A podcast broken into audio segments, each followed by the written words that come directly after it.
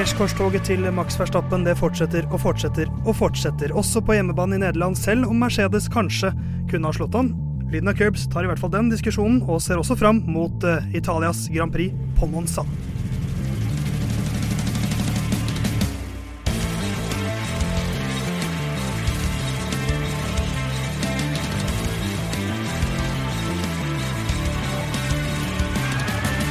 Ja ja, men sann, nå er vi skikkelig i gang igjen. Altså, Formel 1-sesongen durer og går. Og uh, Nederlands Grand Prix det består, så vidt det er. Etter et uh, år uten publikum så var det stappa med oransje farger på Sandvort denne helgen. Theis sitter her med litt oransje snev i skjegget sitt, i hvert fall. Som den, når Herman ikke er her, den mest ginger-aktige. Men så er det to andre lyshåra karer her. Og er man lyshåra, så er man ikke så langt unna å være rødhåra, som jeg pleier å si. Jo Hoftan, vi kan begynne med deg. hvor rødhåra på en skala fra én til Ed Sheeran vil du si at du er? Eh, jeg tror det må bli eh, to, altså. Eh, det er et ganske langt unna rødhåra. Og det er jo så vidt Nederland Grand Prix får bestå også, hvis de fortsetter å kaste flares på, inn på banen. Men Eh, ellers så var det et eh, løp som var spennende, men eh, hvor ballongen gikk tom for luft eh, litt for tidlig. Den gjorde dessverre det. Eh, vi har jo en flott gjest på besøk her i dag også, når Herman er borte. Og det er jo en stemme som vi hørte sist uke også. Andreas, velkommen tilbake. Jo, takk skal du ha. Hvilken der? Du hadde mikrofon tre. Eh, der er du tilbake. jo, takk skal du ha. Prøv en gang til. Jeg prøvde å cancele deg før sendinga hadde starta en gang. Det var ikke så lurt.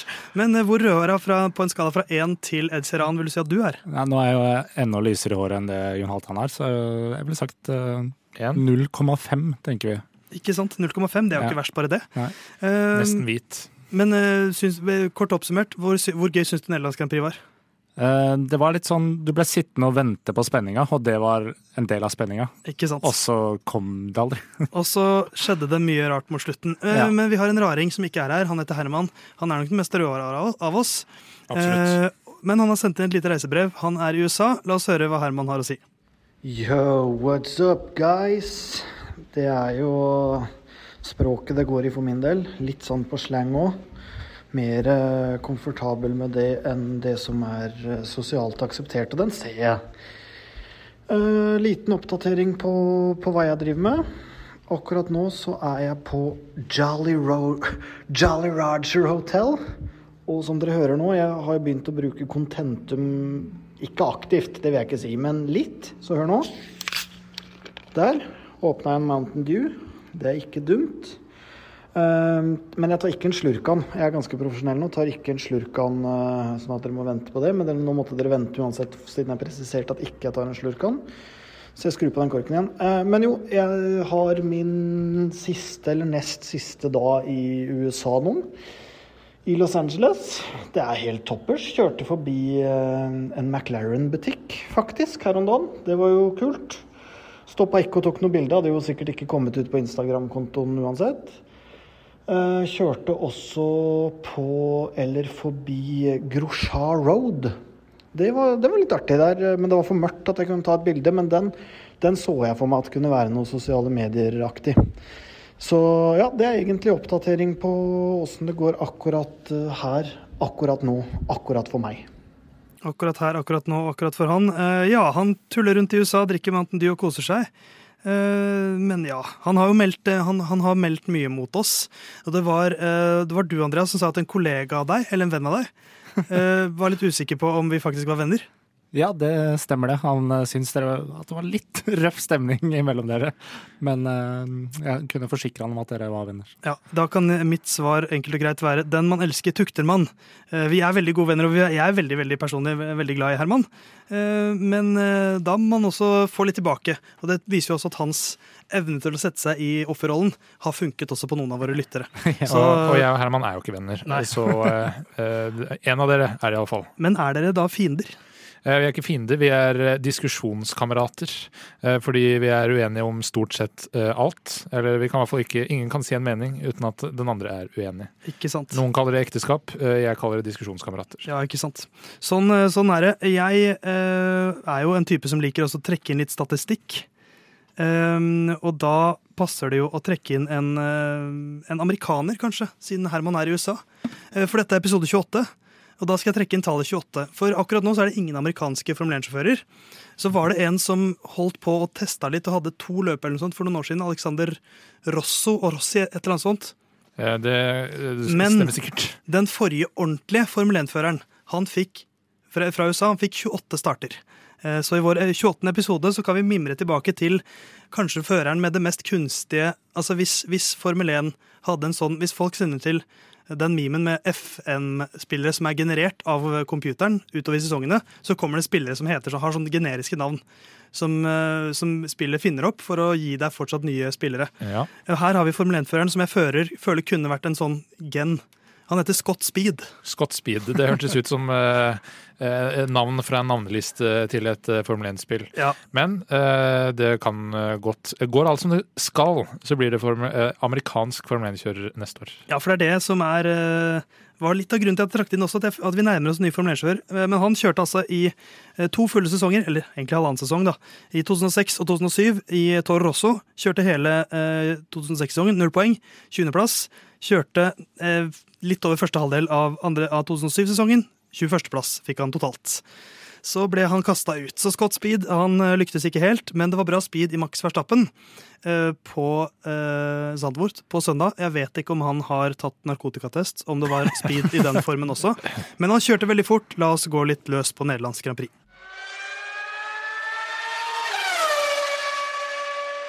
Og da skal vi ta fatt på Nederlands Grand Prix. Og tradisjon tro så må vi begynne med å oppsummere dette Formel 1-løpet på på cirka 60 sek sekunder. Sekunder. Eh, Cirka 60 sekunder skal vi oppsummere på. Herman skulle egentlig gjort det denne uka, da. Ja, Andre i panelet her de pleier alltid å virke som at de blir veldig overraska når det er deres tur, så de gjør en veldig half-assed jobb.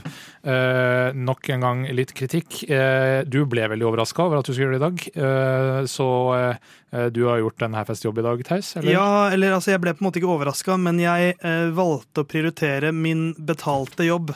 Idet eh, Andreas jo, eh, hopper ned på stolen sin, og vi andre blir litt vippete av stolen. Eh, men ja, jeg valgte å prioritere min betalte jobb i dag. Det, det stiller meg ikke bak. Nei, ikke jeg heller. Jeg skammer meg. Så det jeg har gjort, er at jeg har knota ned noen stikkord.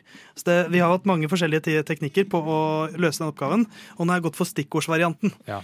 Men jeg kommer jo da til å gjøre det, om, altså, gjøre det om til mine egne setninger. Så det blir som et gammelt foredrag hvor man har stikkord på arket sitt, og så gjør man det om til fulle setninger. Ja, og Siden du ikke helt vet hvor lenge dette varer, så syns jeg det er viktig at jeg og Andreas ikke gir noe mine til når det har gått et ett Nei, minutt. Eh, Kun min indre klokke. Ja. Ok, eh, da eh, får du, Andreas, som skal ta tiden, telle ned, da. Ja.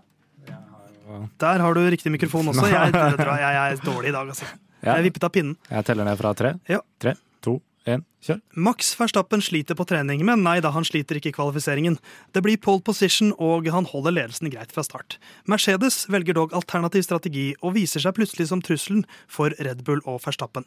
En ganske pikant situasjon utvikler seg i, i Nederlands Grand Prix, men så ø, kommer safety car-helvete. Masse tull med Yuki Sunoda, virtuell safety car, Verstappen går inn i depotet og beholder ledelsen sin.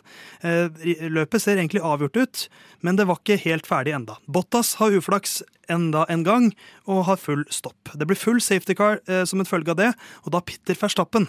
Mercedes har da to biler først, men Russell vil ikke, ha, vil ikke ha mediums, han vil ha soft han også.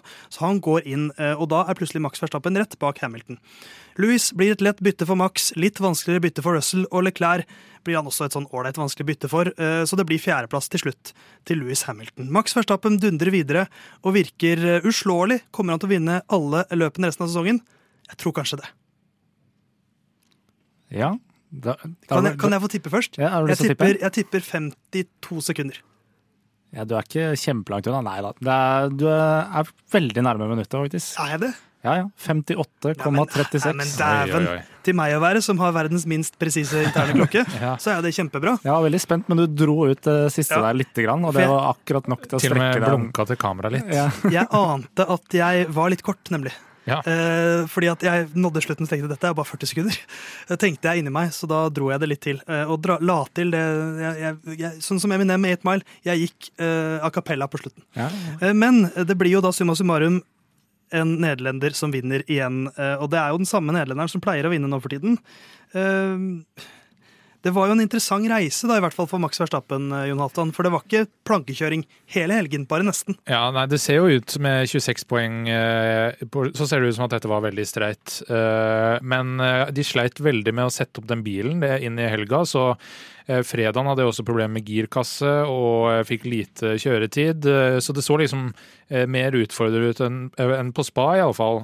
Og så kommer de da til kvalifisering, og da har vel Max ikke ikke uh, pole position uh, når de har kjørt første runde. Det er vel Leclerc som er akkurat foran, uh, så vidt jeg husker. Ja, ja det er, Max har ikke pole, men han, han, det som jo da skjer, er at Max tar den på siste runnet sitt, og så spinner Sergio Perez og skaper gulflagg. Ja, og, og, da er jo alle andre sjanseløse. Ja, Leclerc hadde vel kjørt i mål før. Han hadde iallfall gjort en tabbe på runda si, så det ble egentlig gitt litt Max av Leclerc den pole position. Eh, men i løpet så er jo ikke Ferrari med, eh, og eh, er heldig med Eller det, det, er litt sånn hvor heldig det er. Jeg tror til syvende og sist så hadde Max vunnet det her. uansett. Her ville Herman vært fullstendig uenig. Men nå er ikke jeg, Herman her. Jeg tenker vi skal holde Mercedes-diskusjonen litt, for Herman har et innspill om det. Ja, eh, Så det jeg skal si, da er eh, safety-caren som kommer av Yuki, som også skal komme tilbake til om bitte litt. Eh, når han, Førstappen har jo kjørt da soft medium, og strategien er å bytte tilbake til soft, og da ta igjen de to Mercedesene mot slutten. Og det tror jeg han hadde klart fint. Uh, og spenninga hadde i det minste vært der. Det kunne godt hende han ikke hadde klart begge to. Uh, jeg, jeg, tror det, men, uh, men uansett, da. Spenninga forsvant helt med safety-caren til Yuki. Og ikke minst denne Bottas-greia. Ja. Da forsvant liksom alt. Ja. Men det var en herlig nerve der en stund, Andreas. Da, da, for det ble, det ble, ikke en sånn veldig actionpreget dag med ville forbikjøringer, men det var en sånn strategisk nerve hele tiden med Mercedes, som hadde veldig bra tempo og som var på den alternative strategien. Hvordan trodde du det var i ferd med å, å spille seg ut i, før disse safety-karene? Nei, sånn uh, før det Altså før første virtual safety car kom ut, så var jeg litt sånn usikker på Jeg tenkte hele tida, uansett hvor mange ganger uh, Mercedes stopper, om de stopper én eller to ganger, så tar uh, Så følte jeg at Max hadde tempo inne til å komme før uansett. Ja. Så jeg følte Jeg sleit litt med å finne spenninga, så det var litt sånn når det først dukka opp litt. Så altså, jeg satt og venta på at det virkelig skulle skje noe. Ja, ja for det er, jo, det er, jo, Jeg kjenner meg igjen i det du sier der. Altså, at jeg, sånn som i forrige løp også, som vi prata om, at selv om Verstappen starta langt bak, så tar jeg som utgangspunkt, utgangspunkt, nå, nesten uansett hvor Verstappen starter i, i gridet, at han kommer til å vinne. Det, det er mitt utgangspunkt før hvert eneste Formel 1-løp nå. Uh, og, og, det var jo fortsatt det jeg satt og tenkte, men samtidig jeg er ikke så sikker altså, Johan Halvdan, på at det hadde blitt så, det hadde, det, hadde, det hadde, ikke blitt like plankekjøring hvis det hadde vært null safety cars. Nei, nå eh, endte jo eh, Yuki Sonoda med å eh, få ut virtual safety car på eh, runde 43-44. Det var noe sånn eh, underkant av 30 runder igjen, og da gikk Max inn og pitta til harde dekk. For han, han fikk den ut, sier du? Som om han gjorde det med vilje? Uh, det mener noen. Uh, jeg mener ikke det. Uh, og kan forklare hvorfor. Men da hadde Max fulgt Hadde ikke det skjedd, da, og Bottas ikke hadde skjedd, så hadde han kommet ut med kanskje 15-20 runder igjen på softdekk bak Mercedes som har énstoppa. Og han ville tatt igjen Han ville kommet ut kanskje rundt 10 sekunder bak med 20 runder igjen. Da skal han kunne klare å ta igjen og ha fortsatt ganske mye raskere bil eh, til at forbikjøringa hadde, om ikke lekende lett, eh, eh, Louis Hamilton og nesten spesielt George Russell vet hvordan man forsvarer.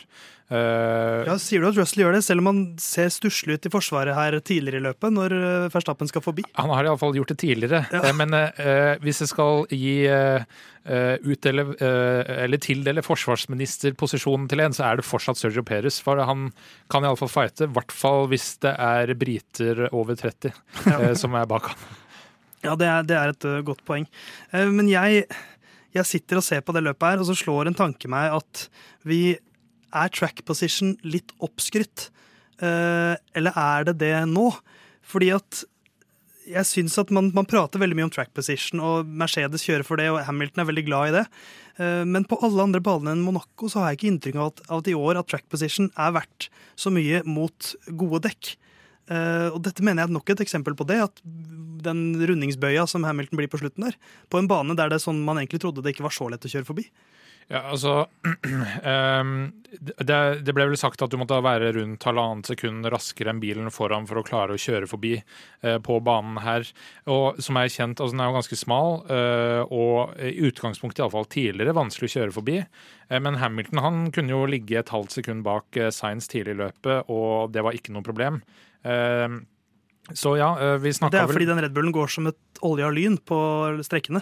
Eh, Ja, nå var jo dette Science mot Ja, science, Sainz, ja, jeg ja. hørte Peres. Jeg hørte Peres. Ja, eh, Science mot uh, Mercedes, og Mercedesen er fortsatt litt draggy. eh, altså eh, den eh, eh, Det er mye luft den skal kjøre gjennom, eh, mer enn de andre bilene, som er treigere på langstrekket. Så uh, det blir litt, eh, litt vanskeligere for, for de å kjøre forbi. Men eh, har du raskere dekk Raskere dekk har mye mer å si, eh, også her. fordi eh, start-målstrekket, som er liksom eneste forbikjøringspunkt, der er det mulig å kjøre forbi. Og så gjorde de DRS-sonen lengre til årets utgave også, som gjør jo at eh, det strekket blir enda mer potent. Men eh, ja, hvor, hvor mange løp på rad tar Max nå da, Andreas? Eh, hva, hva skal til for å slå han nå, tror du? Nei, altså Bare i et enkeltløp. Nå snakker jeg ikke om VM, for det regner jeg bare med at han har. Hvis jeg skal håpe, da, siden han har tatt fire strake, akkurat som eh, mitt favorittlag i fotball har gjort også nå, så håper jeg på resten, da. Men eh, det er jo mange tar han av. Uten å gå helt fram til spådommen for neste løp, så spørs det om han tar en til. Oi, oi, oi. Oi, det var Ikke, altså på rad, ikke resten, altså hvor mange seier han tar totalt. Ja, Nei, ekte, ekte brannfakkel det der. Men, eh, men han eh, dundrer på videre. Hvor mange poeng er det han leder med nå, da? Nå har han 310. Charlie Clair 201. 109 poeng. Ja. Så bra quick maths fra Andreas der. Red Bull leder for øvrig med 511, mens Ferrari har 376. Så det er ganske jevnt i kampen om andreplassen, både i Drivers Championship og i Constructors Championship. Men det er en litt interessant debatt å ta om Mercedes på tampen der. Eh, Herman har noen ganske sterke meninger. Eh, Vi skal la han slippe til.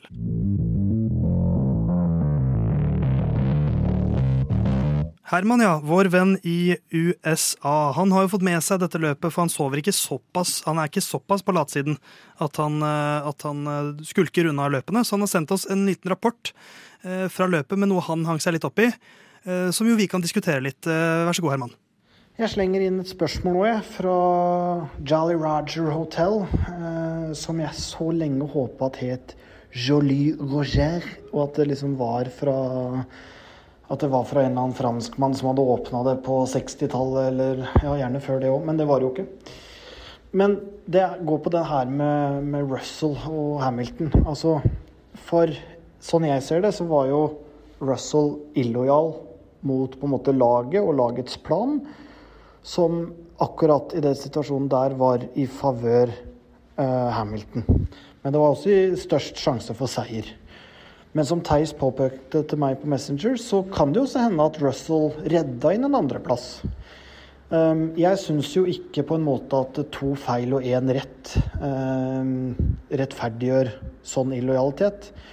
Det er jo faktisk et lagspill, uh, og da er det en del ting man skal styre, styres etter. Og det er bl.a. det å være lojal mot uh, planen og de tinga her. Så altså, hvor går grensa på sånne ting? Helt spesifikt på hva tenker dere om eh, Russell kontra Hamilton i den sammenhengen her, men også sånn ellers, da. Hva, hva skal til for å rettferdiggjøre hva skal jeg si, en sånn type illojalitet, da? Hvor Ja. dro vi fra? Takk for det, Herman. Uh, Andreas, er det illojalt? Først og fremst det, det Russell gjør. Hvor han, eh, fordi at De får jo beskjed her egentlig om at de skal holde seg på medium. Ta, gå for track position, mens da Verstappen pitter. Eh, og så vil, vil jo da Russell få nye dekk. Han vil over på soft, han får det som han vil. Er det illojalt? Av Russell? Nei, det vil jeg ikke si. Han tenker jo, Som fører i bil, så tenker man jo først og fremst på seg selv. Så eh, han, han vil jo vinne, løpet. Ja, det, han, han vil jo det. eh, Men har laget da større sjanse for å vinne hvis Russell holder den andre posisjonen på mediumdekk? Eh, jeg tror at det var deres beste mulighet. Eh, nå ble det verken fugl eller fisk for meg, da. Eh, og så er det jo klart at Russell presser jo litt gjennom et pitstop, men argumentasjonen hans syns jeg er liksom på plass, fordi han merker at temperaturen i dekka går ned på mediumdekk, og Mercedes er en av de bilene som bruker lengst tid på å få opp temperatur. Så de ville hatt problemer med maks nesten uansett på softdeck bak. Eh, Men å pitte bare Russell, det syns jeg det var det dummeste de kunne gjøre. Eh, eh, Altså Det beste hadde vært å ha begge ute, eller ta begge inn. Da ta begge inn, så hadde de kanskje sikra andre- og tredjeplass. Eh, Nå ble det liksom verken fugl eller fisk. De fikk sikra andreplassen, men Hamilton faller ned på fjerdeplass. Og så vet jeg ikke hvor illojalt det er. Altså, det er jo litt som Andreas sier, altså, de tenker på seg sjøl først og fremst. Man vil, og ikke laget vil. Eh, og Mercedes er ikke i noen posisjon sånn sett til å utfordre. Og hvis det er noen de kan utfordre med, så er det George Russell, poengmessig. Eh, så eh, eh, altså eh, Every man for himself, eller eh, hele laget sammen. Men eh, er her blir liksom- det jo ingen av delene. ja, det blir egentlig litt det, men Russell får sikra sin andreplass. Eh, men spørsmålet er jo da, som du også var inne på, hadde det da blitt eh, tredje og fjerde, kanskje? Eh, kontra andre og fjerde. Det er jo liksom Jeg, jeg tenker at når de, har- de har sjansen til å For avslutninga her blir jo egentlig sånn som i Abu Dhabi på slutten i fjor. Det blir jo ganske lik situasjon hvor Verstappen skal ta igjen Hamilton i en, bare en mye bedre bil nå. Ja. Også med mye bedre dekk. Så da blir det jo veldig vanskelig for Hamilton. Og med så er det ikke sikkert at det hadde gjort noe forskjell at, Russ, at han bare hadde trengt en runde ekstra, da. Uh, Max Verstappen sannsynligvis for å ta igjen eh, ja, det kan, det kan hende, men, men hadde han blitt liggende imellom der, da, så hadde det blitt uh, gitt tid da, til uh, Hamilton å få varme opp dekka og ha litt mer å forsvare seg med. Så uh, uansett, da, for sin egen del, eh, så eh, altså Mercedes som helhet, og da for Hamilton sin del, og for Hamilton, dumt at Russell pitta. Eh, for Russell, eh, eh, resultatet hadde blitt det samme, kanskje bedre enn det det hadde blitt uansett. Så eh, litt illojalt om man eh, vil ta den ruta, men eh, samtidig så er det laget som sier 'kom inn'. Ja, og så, jo, og så smeller det jo litt fra Hamilton der, hvor han eh, Jeg, jeg skjønner jo at han føler seg dolket i ryggen. Eh, hvis, du, hvis du leser liksom hvordan de pit-meldingene går frem og tilbake eh, Jeg skjønner at Hamilton ikke er veldig fornøyd.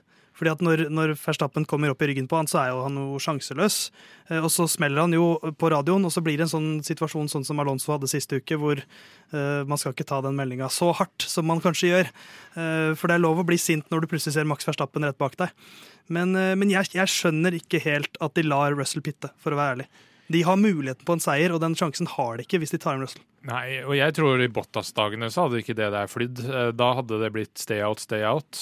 Men er, eh, altså en av de er jo liksom fremtiden, fremtiden. Og ja, Hamilton har bidratt helt sinnssykt mye inn til Mercedes og Formel 1 og altså eh, det liksom bredere samfunnsansvaret til eh, Formel 1.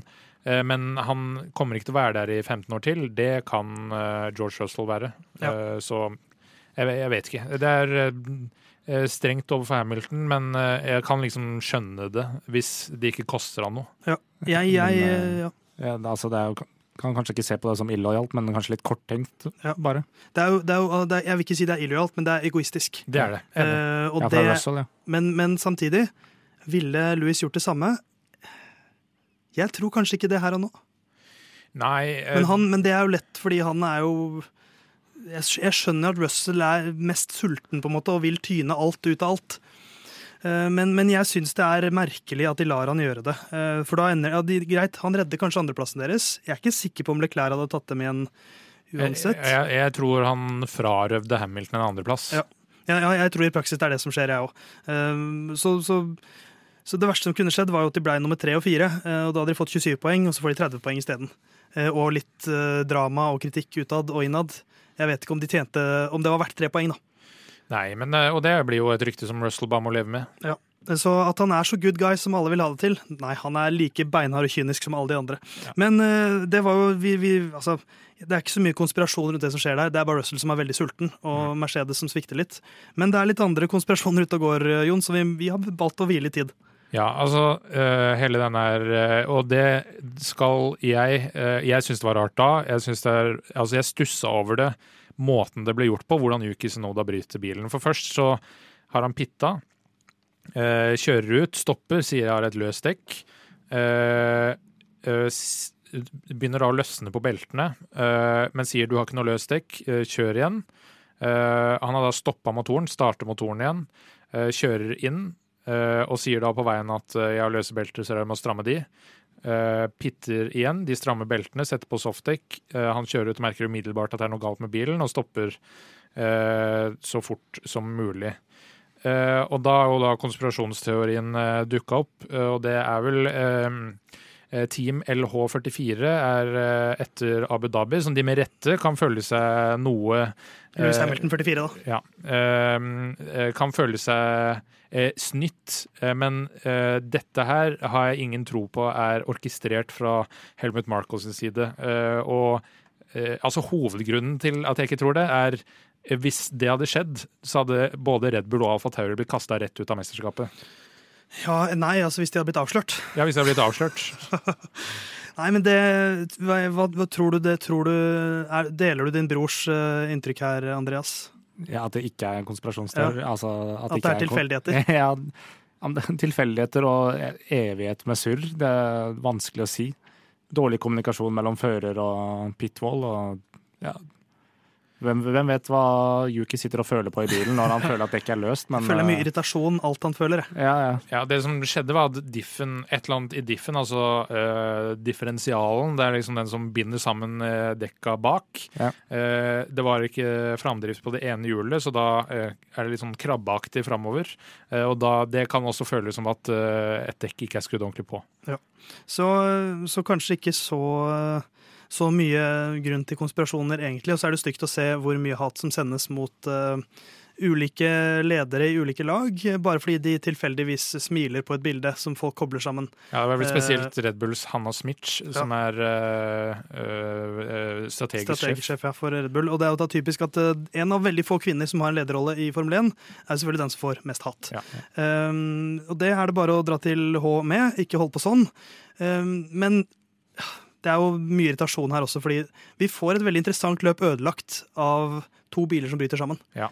Uh, og det, ja, det legger så demper på hele løpet for min del, altså, for det var et veldig gøy løp helt fram til det. Ja, øh, øh, ja jeg syns eh, altså Bottas-greiene bare øh, understreker da at det ikke blir noe av Jeg tror ikke altså Hamilton og de hadde ikke tatt igjen øh, Max øh, på slutten. øh, men ja, det blir tatt ut spenning av et løp som var i utgangspunktet øh, hadde øh, kom til å se ut å bli veldig spennende. Så vi får uh, finne oss til rette med at det ikke alltid går helt så spennende som man hadde håpet. Så skal vi ta litt fatt på andre lag ganske straks.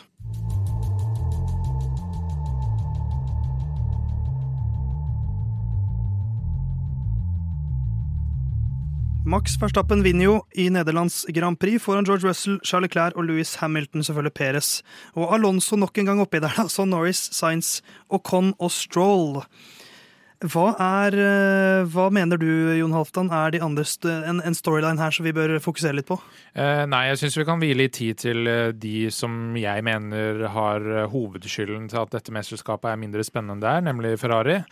Eh, de klarer jo Jeg har eh, på et eget skjønn da laget en oversikt over mer eller mindre nøyaktig hvor mange poeng hvert av topplaga, altså Ferrari og Red Bull, har tapt.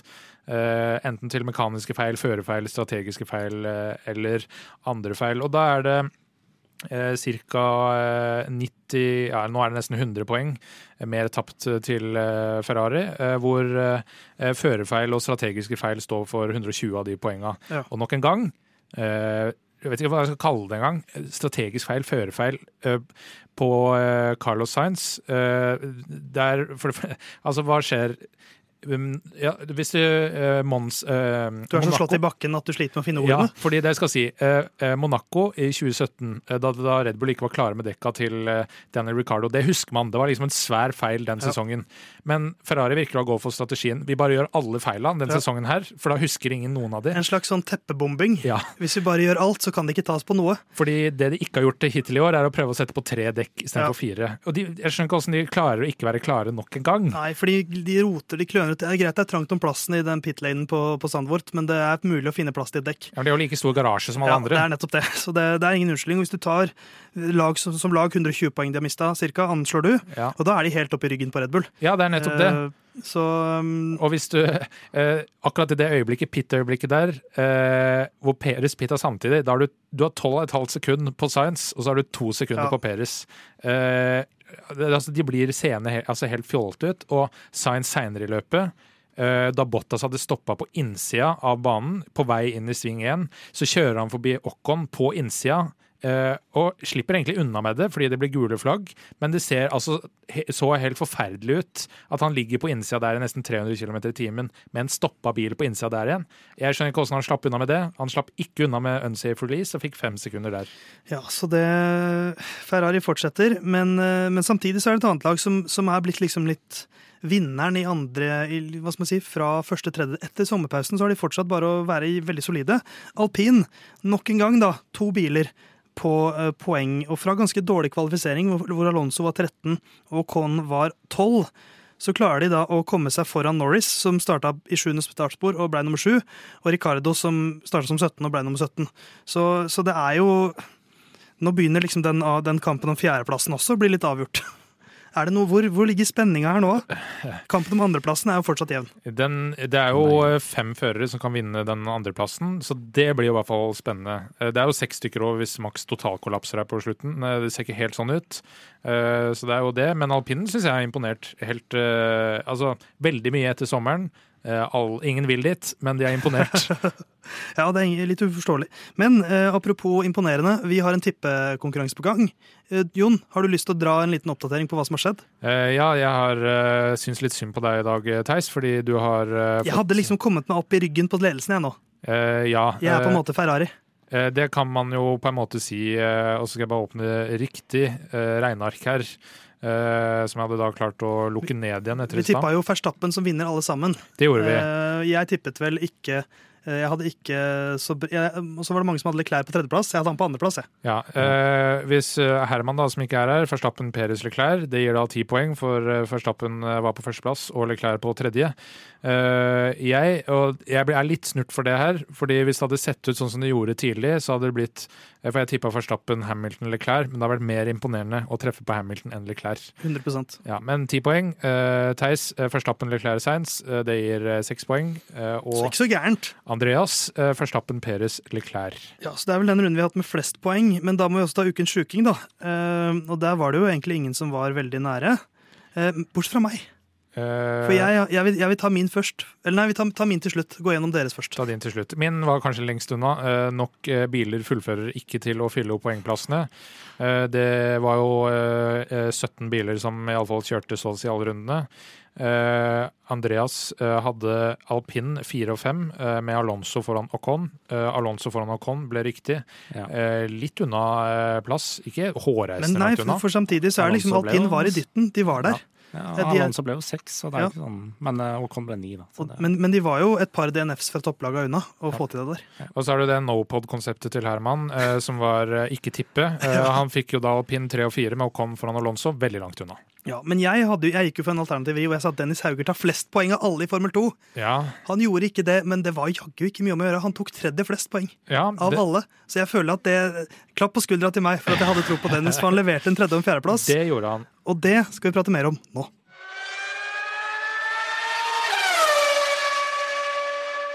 Videre til eh, Formel 2, hvor jeg som sagt eh, ikke var så langt unna å treffe med min spådom om at Dennis Hauger kom til å ta flest poeng i løpet av Formel 2-helgen. Det var Felipe Drøgovic som tok flest poeng. Han vant eh, kvaliken, ble nummer ti i sprintløpet, så null poeng der, men han vant jo hovedløpet. Så det ble bra med poeng. Også Ayumo Iwasa tok flere poeng enn Dennis, men Dennis var vel da likt med Richard Vichor, tror jeg, med 18 poeng, om jeg husker riktig. Så Ja, Dennis er motsatt, motsatt. motsatt. Ivassa og Hauger. Ja, 18 ikke sant. poeng. Sånn var det. Jeg blanda de to.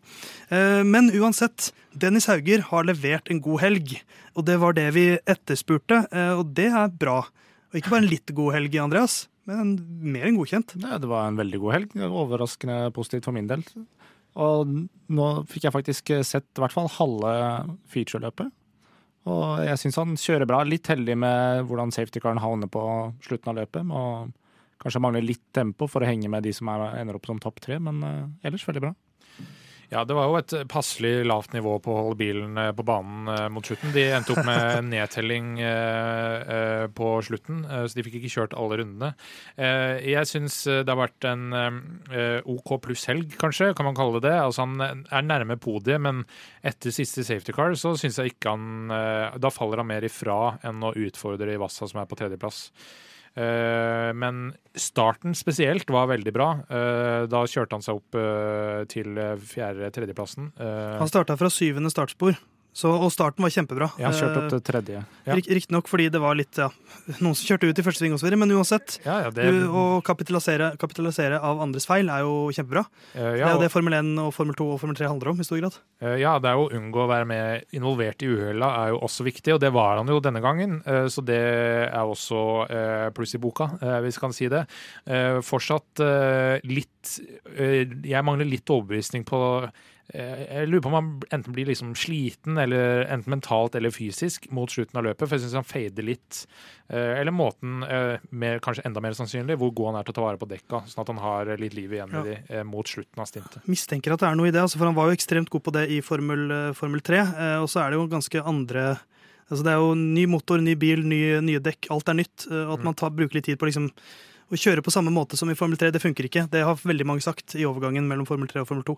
Men, men sånn uansett hvordan man snur og vender på det, og hvordan det ser ut og bla, bla, bla Han, har, han tar sine første poeng sin uh, Red Bull-ring, og det er hans beste helg, egentlig. Uh, i hele Formel 2-sesongen. Uh, ja, han har jo Sånn rent poengmessig. Ja, Baku tok han, vant han 25 poeng. Han vant et, et, et, hovedløp der, men sånn samlet sett så syns jeg ja. det er hans beste helg. Ja, han har imponert. Eh, eller altså vært der i begge løpa, ikke fada ned til ut av poenga, eh, men heller kjørt seg litt opp. Eh, og det, det skal han ha. Absolutt. Jeg høres kanskje veldig negativ ut, men jeg har vært litt skuffa over det han har levert de siste rundene, og veldig solid, det han har levert nå. Og så er det bare å følge opp det i ja. Monza. Og ser man, man, altså ser man på sesongen til Felipe Drogovic, så var han veldig god i starten. Eh, men etter Monaco så er dette hans første seier på da ganske mange løp. Og det han har bygd sitt mesterskap på her, er jo bare masse sånn topp fem, topp fem-plasseringer hele tiden. Mm. Plukke jevne poeng. Så hvis Dennis klarer å sy sammen eh, to sånne helger til, da, de to siste løpshelgene som er, nå i Monza og Jazz Marina til slutt, så avslutter han på en veldig god, god tone og kommer til å klatre i sammendraget også, hvis han klarer det. Absolutt. Så, eh, så Dennis, bare uh, dundre på videre på Monza. Uh, vi vil se nok en helg. Du trenger ikke å vinne noe, men jeg vil at du skal ta nest flest poeng nå til helgen, ikke tredje flest poeng, som du gjorde denne helgen. Lykke til, Dennis.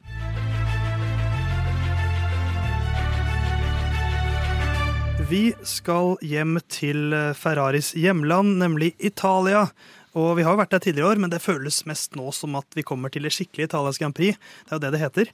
Ja. Eh, Monza og Jon Halvdan, The ja. Temple of Speed. Temple of Speed. Ta oss gjennom banen. Autodromo Nasjonale eh, Monza. 5793 eh, meter fordelt på 11 svinger. Eh, og de svingene skal kjøres 53 ganger, og banen har to DRS-soner. Den ene er på start målstrekke, og den andre er inn mot sving 6 og 7, kalt Varianta Skari. Banen hadde sitt første løp 1950, og det holdes full gass i ca. 80% av rundetida. Uh, og uh, ikke uh, Jeg rakk ikke finne så mye Herman facts.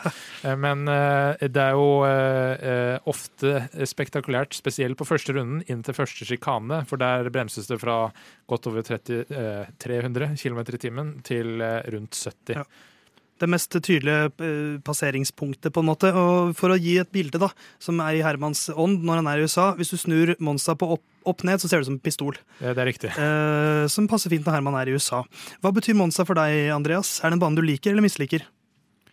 Monza for meg er litt prega av eh, kanskje Drive to Survive. og Jeg så jo løpet også, men Pierre Gasli sin seier i var det 2019? Ja. Det var vel i 2020-sesongen? Det var 2020-sesongen, ja. Det var kanskje 2020, ja. ja. For i fjor så var det jo eh, Da var det sprintkvalifisering der. Eh, Bottas var raskest i kvalifiseringen, også etter sprintkvalifiseringen, men løpet ble da vunnet av Daniel Ricardo i et litt kaotisk løp. Det var jo der Verstappen og Nei, jo, Verstappen og Hamilton endte oppå hverandre. Eh, ja, eller den ene endte oppå den andre. Ja. Eh, og eh, en eh, litt eh, frustrert Norris som ble bedt om å hold station eh, bak Ricardo. og det vil vel også bli McLaren-høydepunktet til Ricardo, tror jeg er den seieren i Italia i fjor. Eh, og 2020, også et kaosløp. Eh, da var det jo også sinnssykt mange røde flagg. eh, og Hamilton pitta mens pitlane var stengt. Stemmer og, det. og da vant Pierre Gasly. Så det, var et, det har vært to kaotiske løp på rad der, men jeg mistenker at det fort kan bli en litt sånn som, litt sånn som det var i Baku. Et løp jeg gleda meg kjempemye til, og så blir det ganske kjedelig. For jeg, ser, jeg, jeg sliter med å se noe annet utfall enn det som har skjedd de siste fire løpene. uh, ja, da skal- så kanskje veien dit kan bli spennende, det vet jeg ikke. Men, men, men konklusjonen det, Vi begynner å nærme oss den der eh, klisjeen i fotball om at du spiller fotball i 90 minutter, og så vinner Tyskland. Det er gode nyheter til Theis, fordi uh, Sainz skal starte bakerst. Så Leclerc har ingen uh, fighting-kamerat. Det pleier jo Verstappen heller ikke å ha. Uh, I hvert fall ikke de siste løpene. Han trenger ikke det. Eh, så eh, der eh, forrige bane passa Mercedes godt, eh, har jeg null tro på de rundt eh, Monza. Eh, det er eh, en draggy bil, som vi også snakka om, eh, og det er eh, Monza er en eh, tempobane. Ja, ikke sant. Så, så det spørs vel om det er Men altså, hva, hva, hva, er det, hva, kan vi håpe på for å prøve å sprute litt, litt, øh, litt energi og litt øh, stemning inn i en ganske sånn tam sesong nå? For nå, nå ser vi jo litt sånn øh, for, for oss litt nyere Formel 1-fans som ikke har fulgt med på sporten veldig tett veldig lenge, Mm. så er jo dette en ganske sånn nå, nå er det lite spenning rundt de siste sju løpene. Ja, nå har, har jo dette vært eh, Jeg tror 2021-sesongen ødelegger litt for hvordan Formel 1 har vært oppfatta tidligere. For det har vært mer som det her, og mye mindre som 2021. Eh, eh, og Monza er jo en uh, ordentlig Her kjører Choo-Choo DRS-toget rundt, uh, og det tror jeg det kanskje vil gjøre i morgen også. Det man kan håpe på, er at det blir noen tekniske problemer for Verstappen og Leclerc, sånn at de starter ut av posisjon. Da blir det litt mer action. Og så tror jeg alpin igjen kan levere her, fordi deres bil fungerer godt når det er høyt tempo. Ja, for de er jo nå, eh, I, førermesterskapet så er det jo 8 og 9 med Ocon og Alonso, men de er jo da klart nummer fire, i og med at McLaren kjører uten eh, Ricardo, eh, så å si. Men han, kom, han må jo komme hit med gode minner. For å ta en sånn siste Kan det være en livsre... Kan, det, kan han redde karrieren sin på noe vis, Ricardo? Kan han gjøre det her, der han vant i fjor? Og så skal vi ikke ta en prat igjen om han på den måten før han gjør det. Eh, altså, han, eh, bilen som han passer dårlig til, er eh, under bremsing. Det er ikke så mye sånn hard nedbremsing her sammenlignet med andre baner, så hvem vet. Det kan jo hende at han iallfall klarer å være i nærheten av Norris. Seier Det er jo en, en bane hvor det er kaos, og blir ofte sånne rare seire. Sebastian Fettel fikk jo sin første seier her da han kjørte for Toro Rosso. Så det er en bane det har skjedd eh, sånn på. Det, det beste hadde jo vært om eh, Ferrari klarte å gjøre et eller annet mellom for denne uka her og nå eh, førstkommende løp, sånn at de var litt nærmere eh, i hvert fall Mercedes. Ja. Eh, om ikke også Red Bull. Jeg skulle gjerne, for at det skulle bli ordentlig gøy igjen, sånn, skape gode minner sånn som det seieren til Gasli, så skulle jeg gjerne kanskje sett eh, det skjedde mye rart, og kanskje Yuki Sunoda på toppen. Oi! Det hadde vært gøy. Som en slags, og eh, Kanskje da Helmut Marko og hans eh, Red Bull-biler orkestrerer en situasjon der, eh, der Sunoda skal vinne. Ja, øh, det er ikke sånn at Red Bull trenger poenga, nei, Nei, nei, så de kan like gjerne gjøre det. Nei, så, Men nå har vi, begynt, nå har vi drista litt over i tippeland allerede, kanskje. La oss gå helt øh, og ikke stykkevis og delt.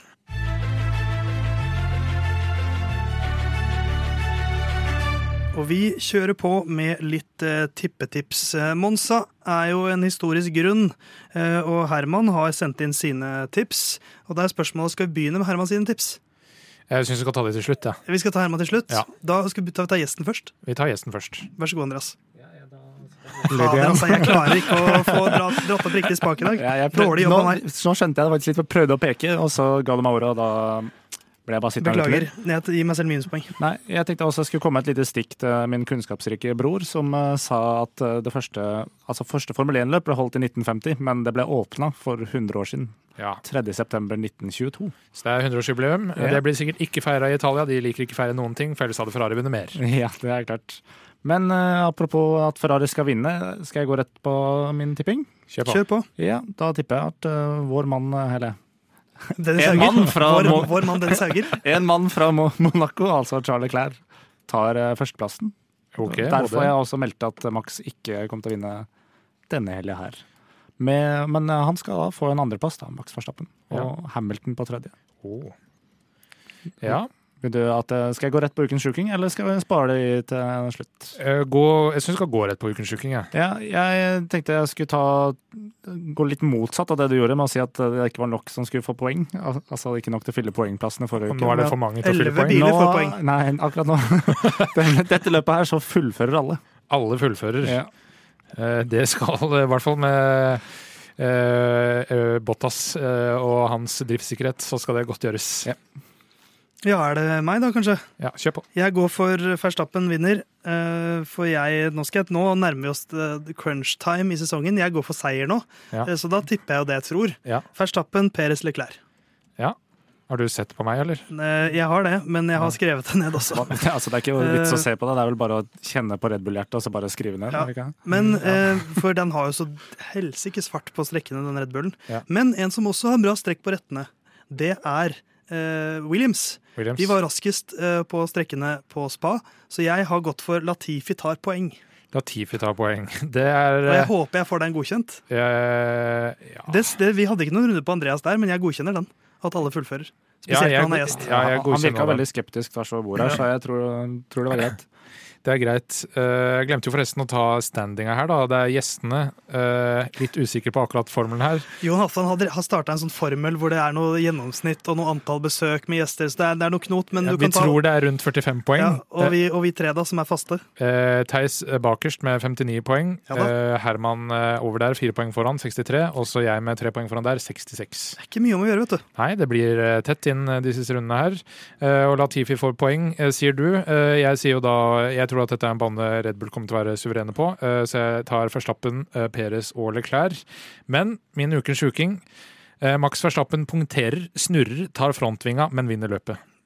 Det er, kan ikke ikke godkjenne den. Den er så herlig presis. Eh, Og det ville i så fall vært så suveren er de. Ja. Så eh, du får godkjent den, og da har vi en, eh, en mann igjen. Herman Borgstrøm, som eh, er nummer to i sammendraget nå, da. Hans tips kommer her. Når det kommer til eh, tippekonkurransen, så eh, Hva skal jeg si? Så, så, så forstår jeg at det kom kritikk uh, retta mot hvordan jeg løste det sist, men jeg, jeg syns igjen det er for strengt. Uh, men jeg går litt mer rett på sak her nå. Jeg setter uh, Verstappen først for kommende løpshelg. Jeg setter Hamilton eh, på andre. Jeg tror Russell sin illojale handling har vekka beist i Hamilton. Um, så jeg tror faktisk det kan bli en kul uh, avslutning på sesongen akkurat sånn sett, selv om det ser litt uh, traust ut nå. Og så på tredje setter jeg Leclerc. Uh, jeg tror Ferrari får litt mer stell på tinga. På ukas sjuking, den blir jo ikke godkjent uansett, men jeg prøver meg, da. Så setter jeg at halvparten av canadierne skal komme over halvparten Altså halvparten av canadierne skal komme over halvparten av britene i eh, løpet som kommer nå. Det er min eh, ukas sjuking, så ja. Den blir vel skrudd til med både franskmenn og spanjoler og alt som er. Men, eh, men det får dere bare styre på med. Så, så var det mitt lille bidrag herfra. Ja, vi skal styre på. Han, eh, vi, vi skal jo ikke gode, vi, altså det, hovedtipset hans kan vi ikke gjøre noe med. Der, der tipper han jo eh, to tredjedeler likt som oss. Vi kunne Eh, hjulpet han, men eh, det får han bare stå for selv. Ja. Det får han stå for selv. Men han sier jo da halvparten av canadiere over halvparten av briter. Og det, halvparten av canadiere vil jo da si at enten Lance Stroll eller Nicolas Latifi må være over halvparten av George Russell, Louis Hamilton og Lando Norris. Og da vil det si to av dem. Ja. Eh, For når man sier sånne tips, så runder man alltid oppover. Eh, Og da vet jeg ikke, for i, i praksis blir det her fort.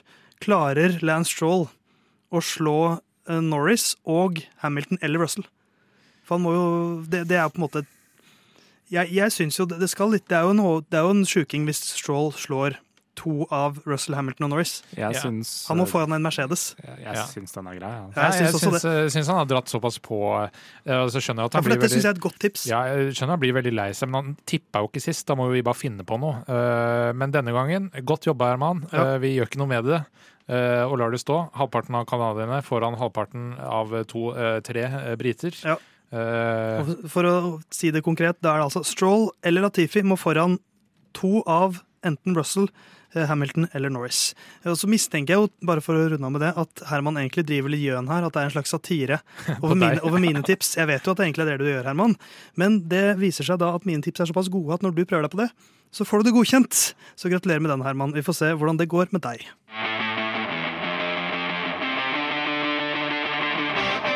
Jeg startet jo denne sendinga med eh, den generiske amerikanske Formel 1-sjåføren Scott Speed. Scott Speed. Det er litt av et navn, altså. Det er jo, du, du kan nesten ikke få et bedre Formel 1-navn enn det. Men uh, han var jo den forrige sånn skikkelige Formel 1-føreren fra USA som holdt mer enn sånn to løp. Ja. Uh, og det er ganske mange år siden allerede. Uh, men nå er jo USA stadig større del av Formel 1-sirkuset, også en stadig større del av lyden av Curbs, i og med at han ene, han ene mellom oss, han ene medlemmet vårt nekter å være i noen andre land enn Norge og USA. Eh, Men det er kanskje ikke så lenge til vi får en amerikaner inn igjen, eh, Jon Halvdan. Nei, og da vil jeg bare oppsummere deg. Bare for å, uh, vi har hatt en ganske silly silly season, uh, så bare hør på det her. Fettel gir seg i Aston Martin, så Alonso går fra alpin. Eh, Oscar Piastri skulle fylle plassen til Alonso i alpin, men forutsatt at McLaren fikk sparka ut Danny Ricardo, så blir han McLaren-fører i stedet. Pierre Gasly blir derfor alpinfører hvis eh, Colton Hurta, altså Indycar-føreren, får superlisens basert på sine åtte seire i Indycar. Det er liksom hele den smørja som han er oppi, og det er jo da eh, ryktes nå at eh, Forutsatt at uh, Colton Hurta blir godkjent av uh, FIA, så blir han uh, Alfa Tauri-fører, og da flytter Pierre Gasly til uh, laget som har samme flagg som han selv, uh, alpin.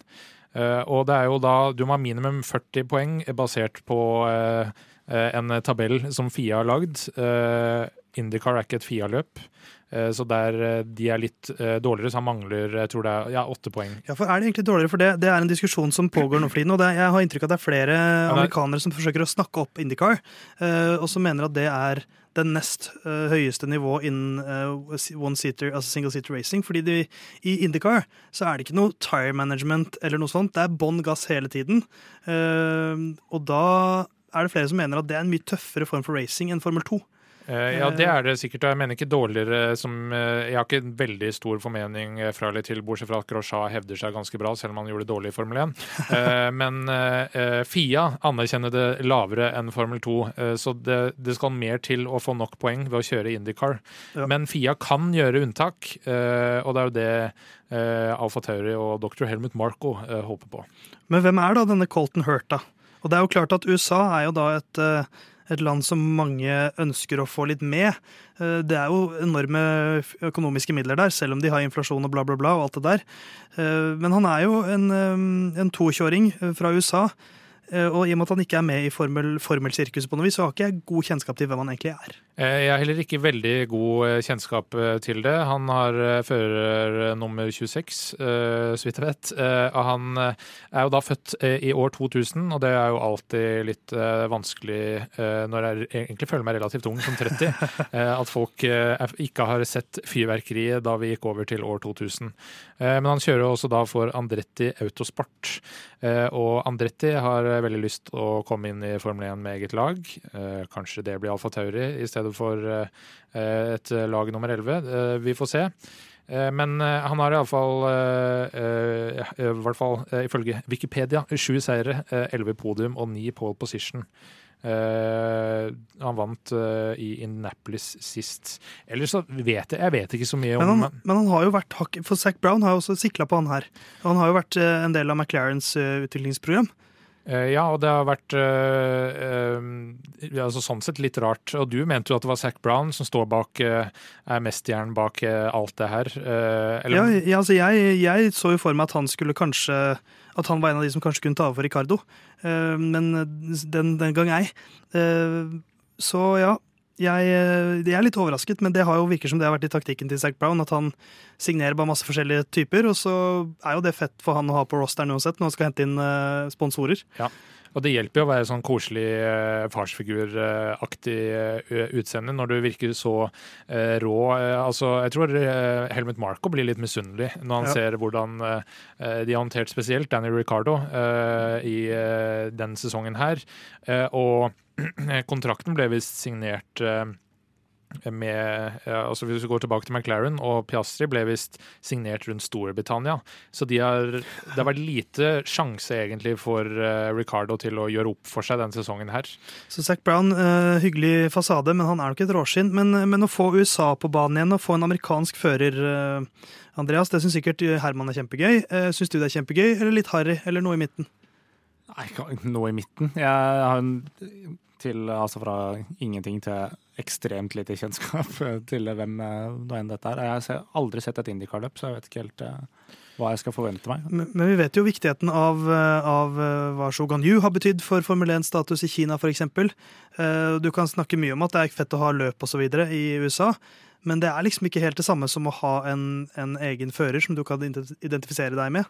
Det er ja. gøy å se på OL, men det er gøyest når det er nordmenn med. Men det kan, det, blir det sånn hva er det han heter, han uh, i Chelsea? Nå står det jo selvfølgelig helt stille. Han uh, amerikanske spilleren i Chelsea. Ja, Christian Pulisic. Ja, Om det blir sånn uh, som at er, han er på nivå med Messi, og er det, jo, er det, det sånne blir, nyheter det blir i USA? Det blir nok sånn, men Vi er jo litt skyldige der med Dennis Hauger. da, At vi hauser han opp og sier at han skal til Formel 1, og så er det ganske mange han skal slå for å komme til Formel 1. Colton hørte av det New Max Verstappen. Ja, ja, ja. så... Altså, For Formel 1 i USA så er jo det positivt. For jeg som uh, europeer, uh, for å ta det store paraplybegrepet, uh, håper jo ikke at det blir så populært at de flytter sendetider til uh, mer USA-sentrisk. Eh, men eh, Nei, det kan de ikke gjøre på, på én, eh, førers grunnlag. Ja, vi vet, hvor populært, vet hvor populært det blir. Men jeg tror Spørsmålet her nå er jo hvordan er det å være liksom god til ganske god til god i Indycar, og så gå over i et med all respekt nå bakerst i feltet lag som Alfa Tauri denne sesongen. Får vi se hvordan det ser ut eh, neste sesong. Eh, hvordan det vil føles, og hvordan han da gjør det opp mot Yuki Sunoda, som jo ikke er verdens mest erfarne Formel 1-fører, men begynner å levere iallfall litt, da.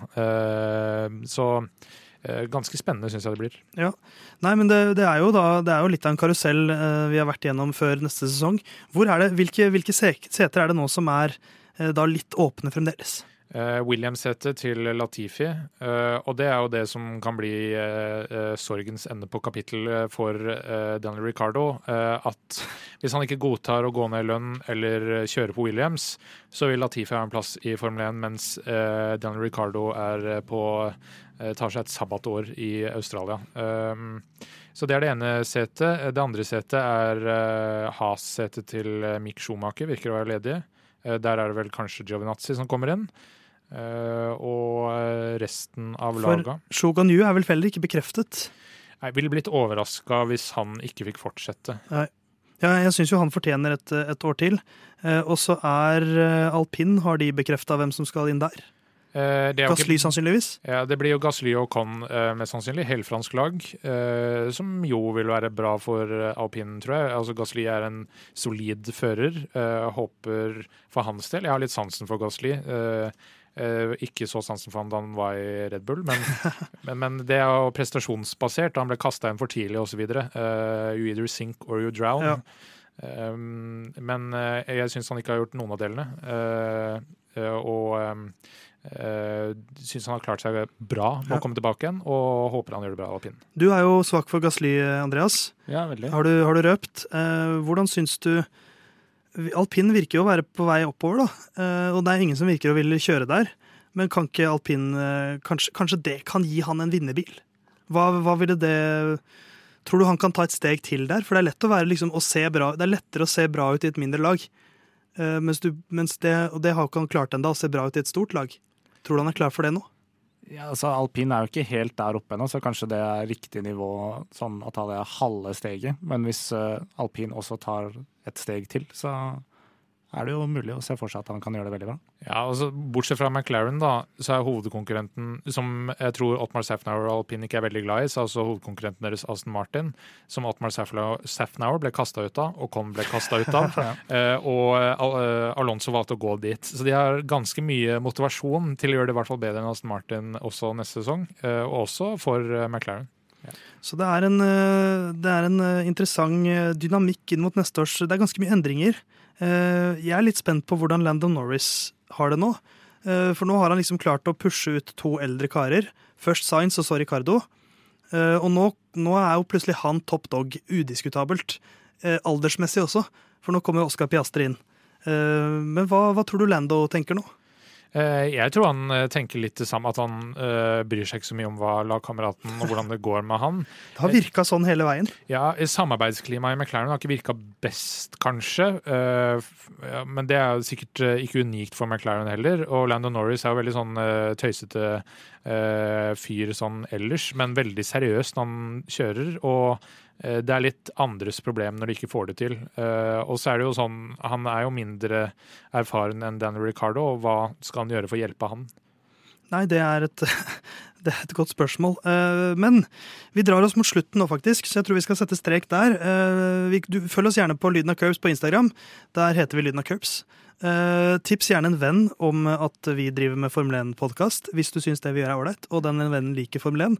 Har du noen tider til oss, Jon Eh, Halvdan? Det har Med. Italias Grand Prix, eh, som jo er et Grand Prix som skal kjøres nå på søndag. Nå eh, tråkker jeg bare videre, Ja, fordi at uh, eh, Jon Halvdan har funnet tidene fram. Kal kalenderen var allerede åpen. Ikke sant? Uh, 14.00 på fredag er første trening. Uh, er en time før på lørdagen uh, trening tre. Eh, klokka fire, da er jeg i bryllup, men eh, igjen. Men da er det kvalifisering.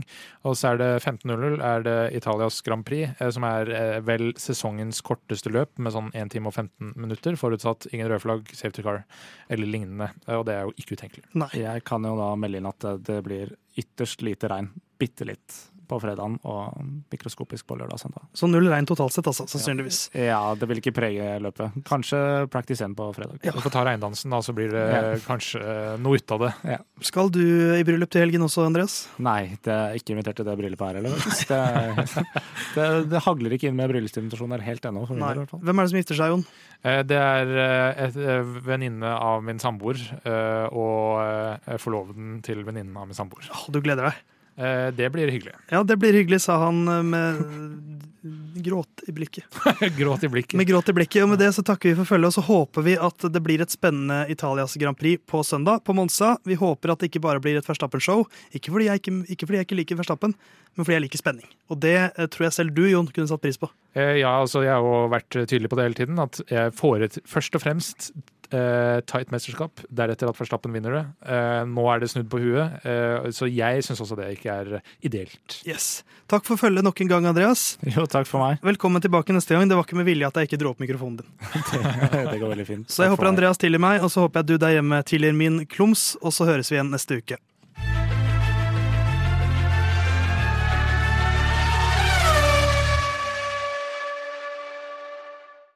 Good luck this weekend, Stroll. Thanks.